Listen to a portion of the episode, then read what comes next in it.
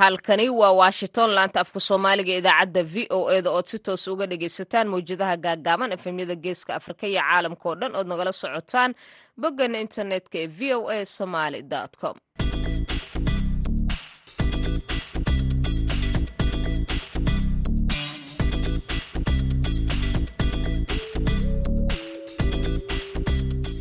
duhur wanaagsan dhegeystayaal dhammaantiinba saacadda afrikada bari waxay tilmaamaysaa kowdii iyo barkii duhurnimo. Waa maalin jimco ah oo afar ay tahay bisha nofembar sanadka labada kun iyo labaiyo labaatanka idaacadda duhurnimo ee barnaamijka dhallinyarada maanta. Waxaa idinla socodsiin doonta anigoo ah sahra cabdi axmed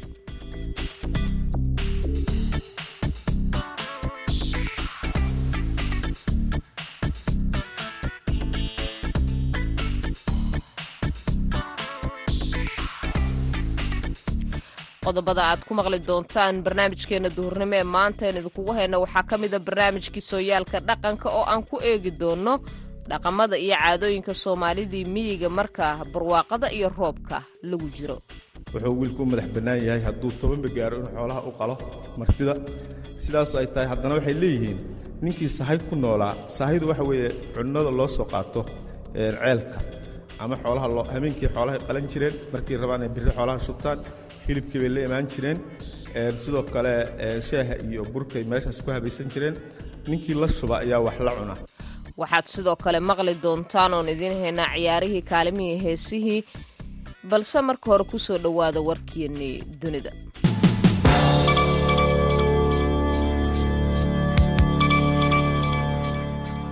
xisbiga ra'iisul wasaarihii hore ee dalka bakistan imraan khan ayaa shalay oo shalay lagu dhaawacaan iraahday toogasho u muuqatay iskuday dil.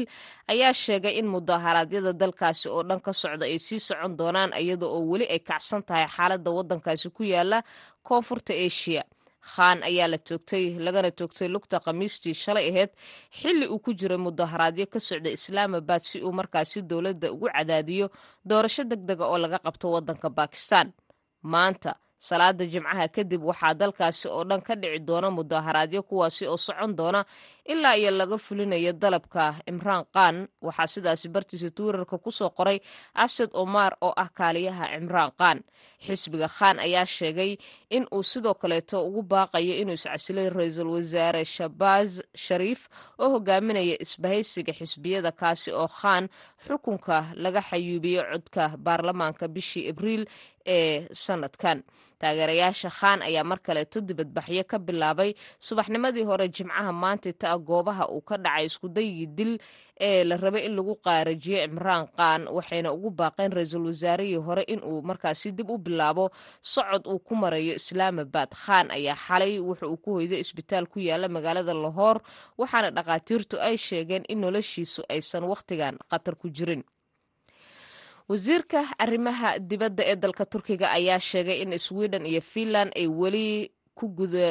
weli gudan dhammaan waajibaadkii saarnaa heshiiskii u ogolaanayay in ay ku biiraan markaasi isbahaysiga neto welina ay tahay inay qaadaan tallaabooyin muhiim ah wakhtigan maflod koflozog ayaa waxa uu wehelinayay xogayaha guud ee neto jenis saltenberg waxaana isagoo ku sugan istanbul sidoo kaleeto uu sheegay in turkiga uu u arkayo xukuumadaha cusub ee sweden ee uu hogaaminayo ra'iisul wasaaraha dalkaasi ay qaadayso tallaabo ay ku gudanayso waajibaad laakiinse aysan weli filaynin fulinta heshiiskaasi neto inuu yahay.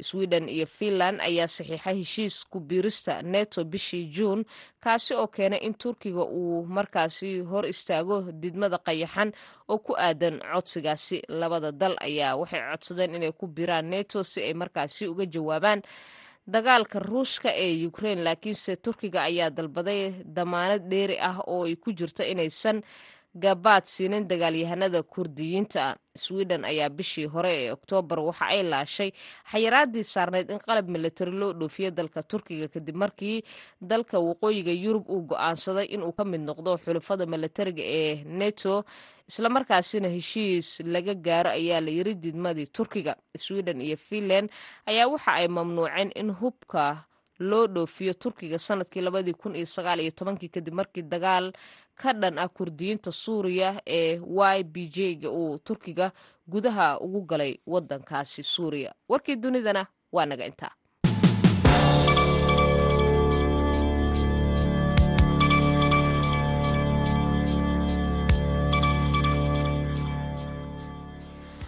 mar kale duhur wanaagsan xaggiina xaggeen waa aroor. Waxa ayna saacadda wakhtigaa dhaaftay lixda iyo barkii aroornimo. Dhegaystayaal markan waxa aad ku soo dhowaataan barnaamijkii sooyaalka dhaqanka. Oo xiliyadan oo kale aad dhegaysataan. Waxaa soo diyaariyay wariyaha v o eda magaalada gaalkacyo cabdiwaaxid macalin isaaq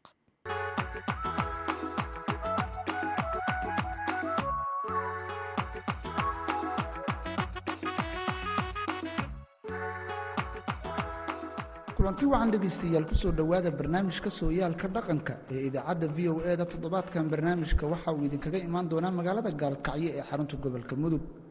Toddobaadkan barnaamijka sooyaalka dhaqanka hadduu eebba waxaa marti iigu ah igana la qaybgeli doonaa mahad maxamed faarax oo ah nin dhallinyaro ah wax badanna ka qoray hiddaha iyo dhaqanka soomaalidu ay leedahay kuna sugan magaalada gaalkacyo ee xarunta gobolka mudug toddobaadkan barnaamijka waxaannu kaga hadli doonnaa oo diiradda ku saari doonnaa xilliga roobabku ay da'aan oo dadka reemiyiga ah ay haystaan barwaaqada.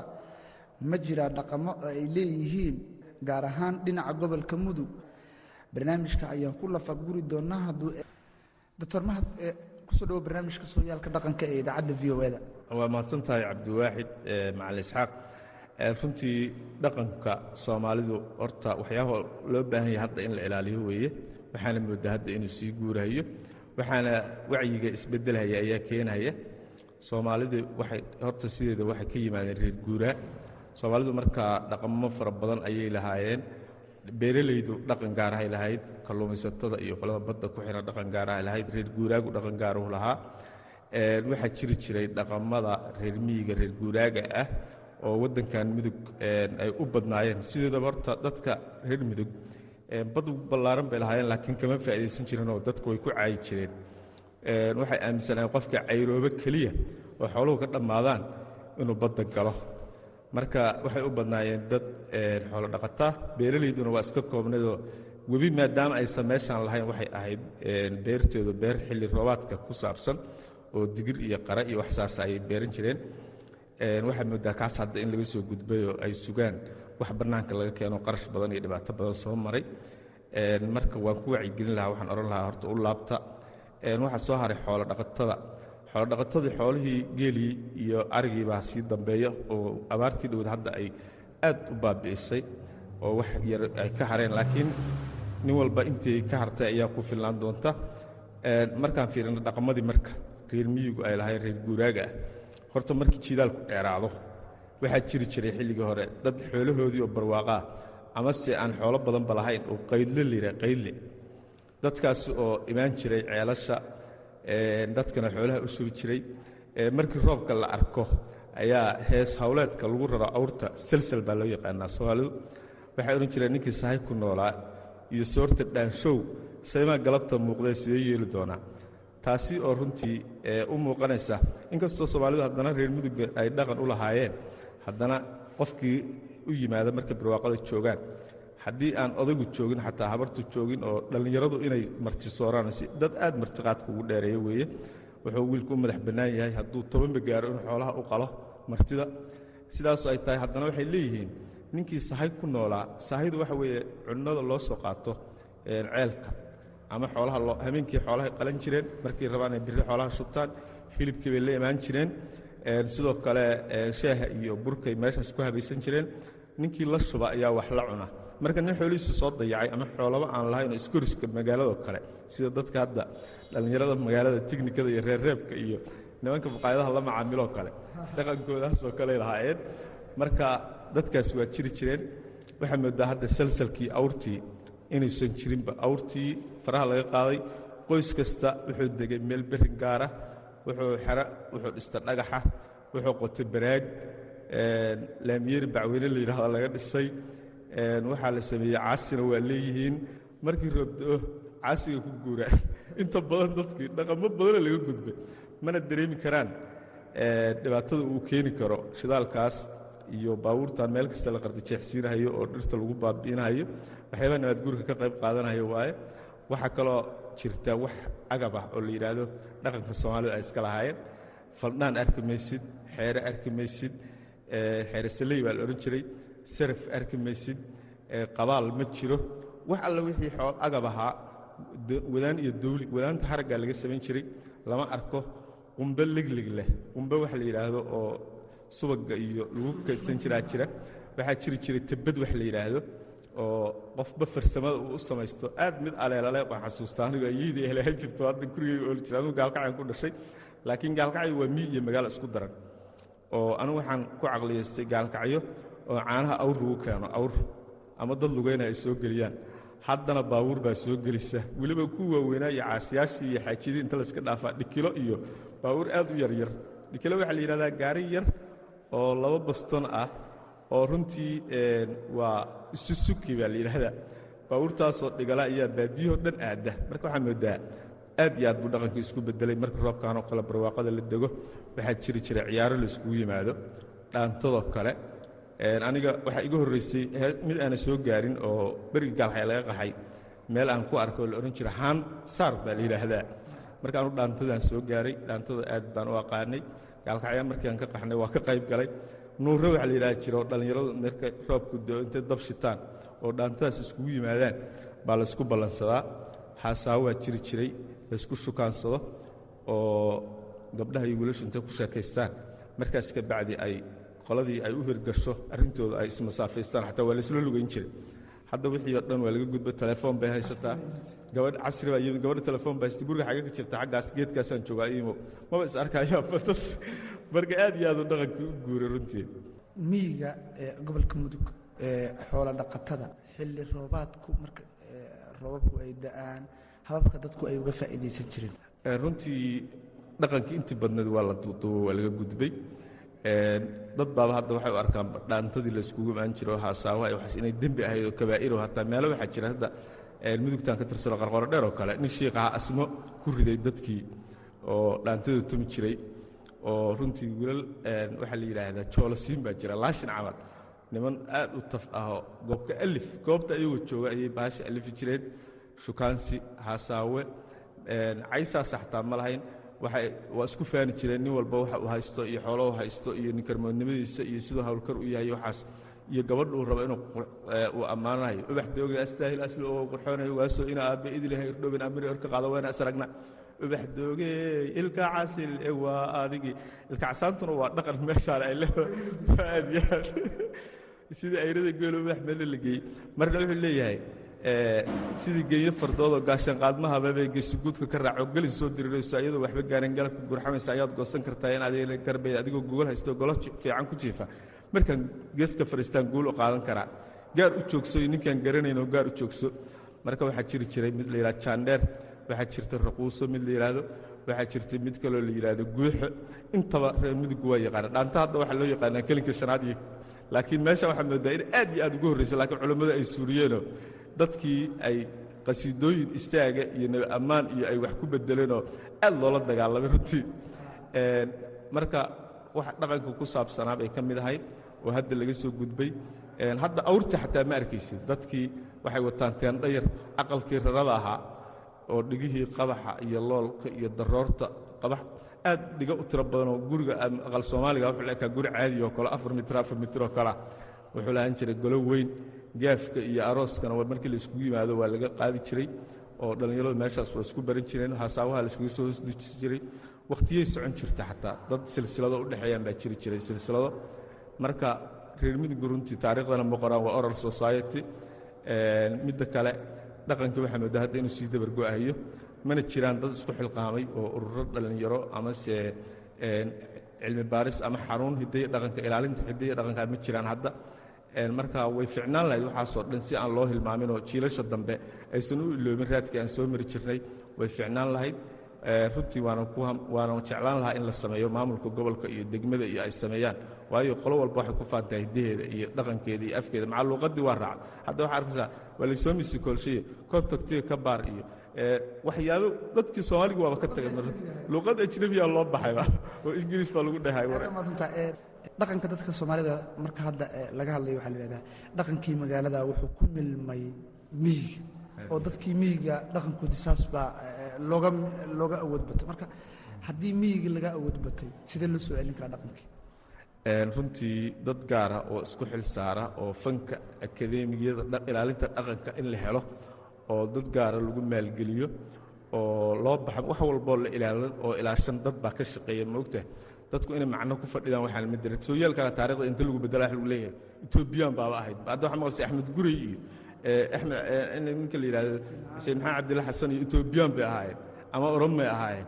Marka haddaadan dhaqankaagii adugu aada ilaashan oo wax lama taabtaanoo gaar oo dadka ay uga duwantaha aada lahayn awrta la rarto dhaqanka astaanta gobonimadeenna soomaalinimadan lagu yaqaanay ahayd meel geer waxaa la jiray meel awr laga rarto. Ummadaha kale awrta ma rartaan runtii gabar timatada cana ay joogto? Ida gorad madow ay joogaan? Waa wax gaar ah annaga noo gaarha ahaayeen moogta marka dhaqankaas asaga ah runtii dana kasta ha laga lahaado anigu waxaan aaminsanahay in duulaan lagu soo qaaday lana barabixiyey. Waayo rarada iyo cawda iyo falagta meelo gaaroo laga iibsado dadkana dhaqaalay u ahayd midda kale xoolahana ilaalin bay u ahayd hadda baasha xasiigga xunkaa lagu seexda oo la yidhahdo sijaayadda waa balastic waa bac. Markii raradu hadday kaa baabaado ama derintu kaa baaba'do arigu hadduu cuno waxba uma dhibi jirin. Mirta soo baxaysa ee siirka waxba uma dhibi jirin. Xoolaha cunaa waxba uma dhibi jirin. Laakiin hadda neef kasta waxaa dilahaya. Balastigaas qashimadii asia samaysay oo dhan baana lagu soo fogeeyey oo weelna la kaga dhigay.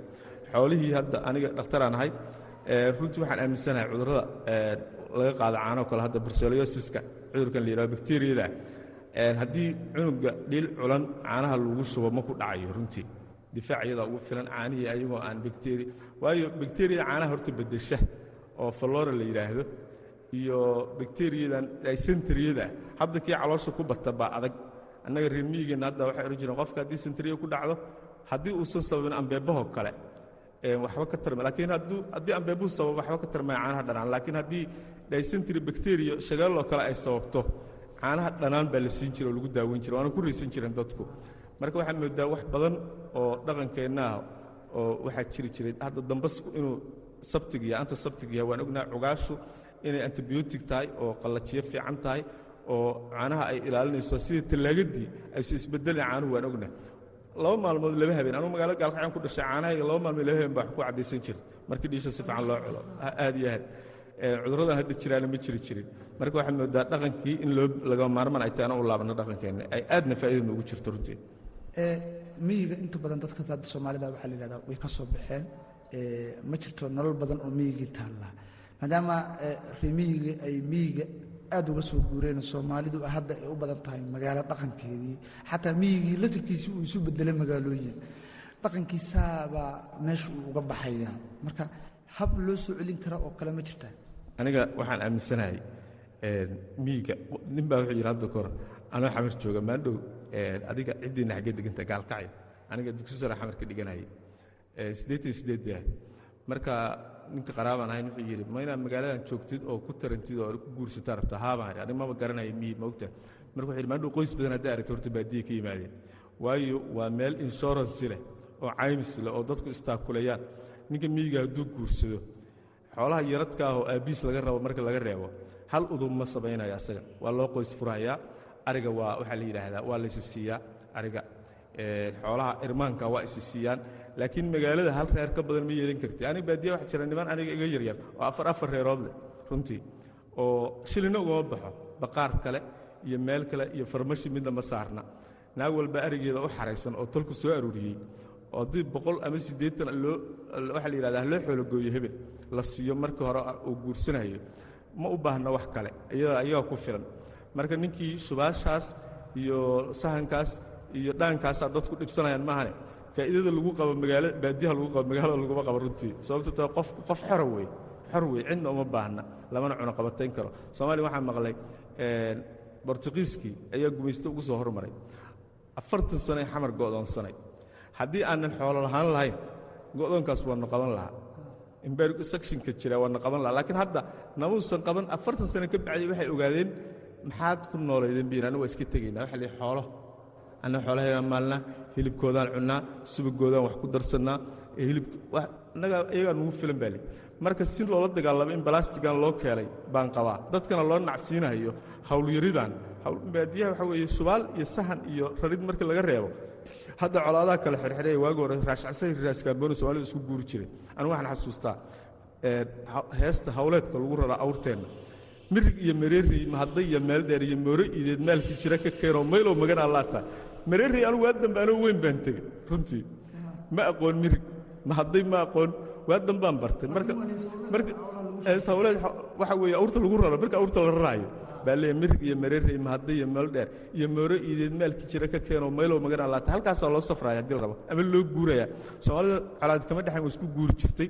waxaa kaloo jira wuxuu yidhi gaafow galladi ceel qodan iyo goof calooley iyo gooyihii xamar iyo geedka cawbaar. In loo guuro mooye isma gaarar nin mudug jooga geed cawbaara inuu arko xamar uu tago goof calooley afgooya agtiisa waa iyo gooyihii xamar inuu tago rati unbaa geyn karaa. Wax kale ma geyn karaa. Marka soomaalidu saas isugu goosi jirtay meel haddii xilligan aan roob ka diin meel webilaa layska aadi jira haddii la rabo. Ilaa colaadi ma jirin waana is soo dhoweyn jireen. Marka waxaan qabaa haddii colaaddu ay naga dhammaato soomaaliya dhaqankeeda ayaa ku filan xoolaheedaana ku filan horumarra ayaa ugu filan. Aniga wax kasta haddaa barita aniga hadda shahaadaan haystaa diatri dhaktar baana waxaan qabtana mal hadda baagamudaana weli waan ku tiirsanahay kama maarmo. Baan aaminsanahay xoolaa ha weli kama maarmo. Aniga xoola baaba hadda ii jooga magaalada gaalxayaan deganahay haddii dadka wax naga gata dukaan baa noo furan waxa ugu badan. Waa dad reemiyi ku tiirsan ha. Marka lagama maarmaan baro dhagti waxa weye orgaa u shaqaynaya ninku waa iska jiifa.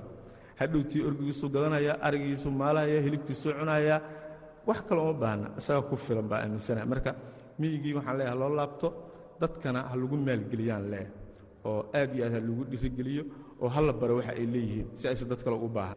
Timacda talooyinka aad u soo jeedin lahayd ee bulshada dhallinyarada ah ee ku salaysan in dhaqankoodii ay bartaan si ay ula soo haraan ama ay u ogaadaan xoga oo aad u jeedin lahayd ma jirtaa aad iyo aad waxaan leeyahay horta fanka dhaqanka waa lagu ilaaliyaa. Inaan dadka fanka oo dhan looga dhigin wax dulmiyo oo buqliyo oo cay ah oo fasahaada baa loo baahan yahay dadka qalad laga fahamsiin akademiyada fanka iyo dhaqanka ilaalisana in la sameeyo waan aaminsanahay. Waxaan kaloo aaminsanahay wacyigelin badan in la wado xoolahana inaan wada ilaashanno waxaan dabar goynaya xoolaheenna oo suntaah oo balaastigu u badan yahay oo dhirla'aanta iyo cimilada kulaylka ah roobla'aantana waxa keenaya isla dhirta la jarahayo iyo gaadiidkan meel walba iska yaacahaya. Dadku waagii hore laasacada le ma waxay jirtaa u malaynayaa afartan shan kilomitr konton. Caanaha laga keeni jiray dad la lugayaa keeni jiray. Saakana haddana waxaa laba kilomitr qof lugayn karaa ma jiro. Waxaas matalxumada keenaya waxaan is leeyahay waa cunnada la cunayo iyo weliba dhirta la jarahayo oo kulaylka badan keenaysa.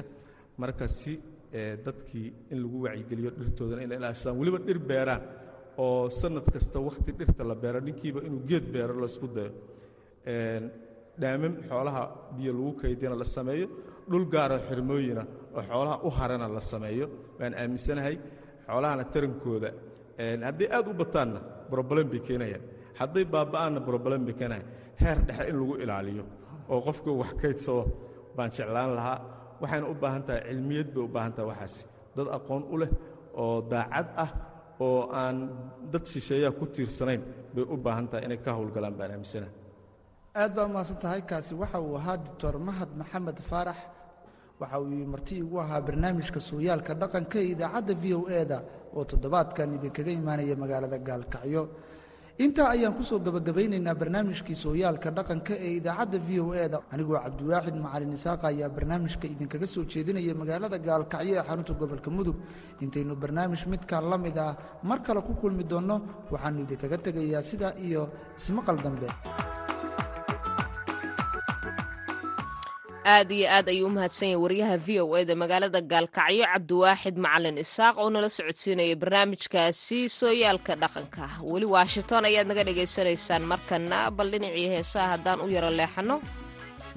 Muusigaasi dhegina ku soo dhacaya waa maxamed maxamed xuseen lafoole iyo mid ka mid a heesihiisa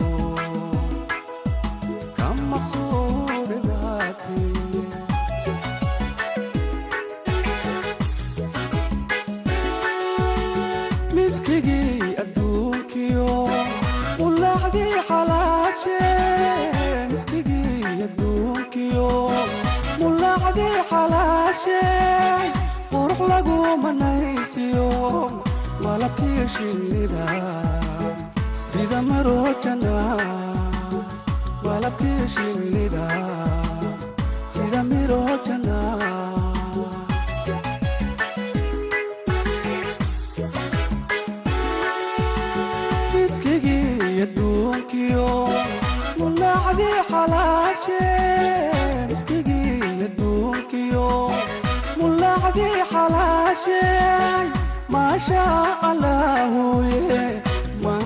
qalbiga u macaantahe maankiyo qalbiga u macaanta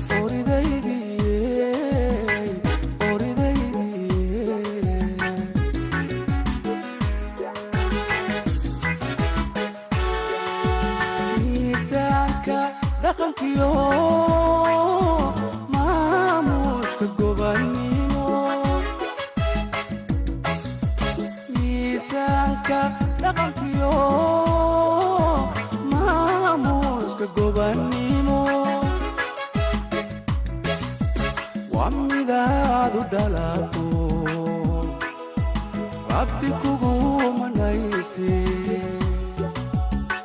waa midaadu dhalato rabbi kugumanayse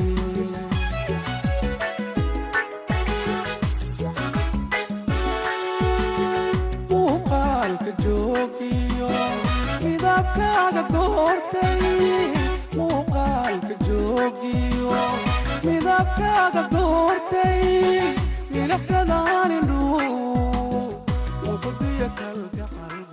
codkaasi maxamed xasan xuseen lafoole ayaan idaacaddeenii ku soo gebagabaynaynaa duhurnimo ee barnaamijka dhallinyarada maanta. Waa sahre cabdi axmed oo idin leh sidaas iyo nabadgelyo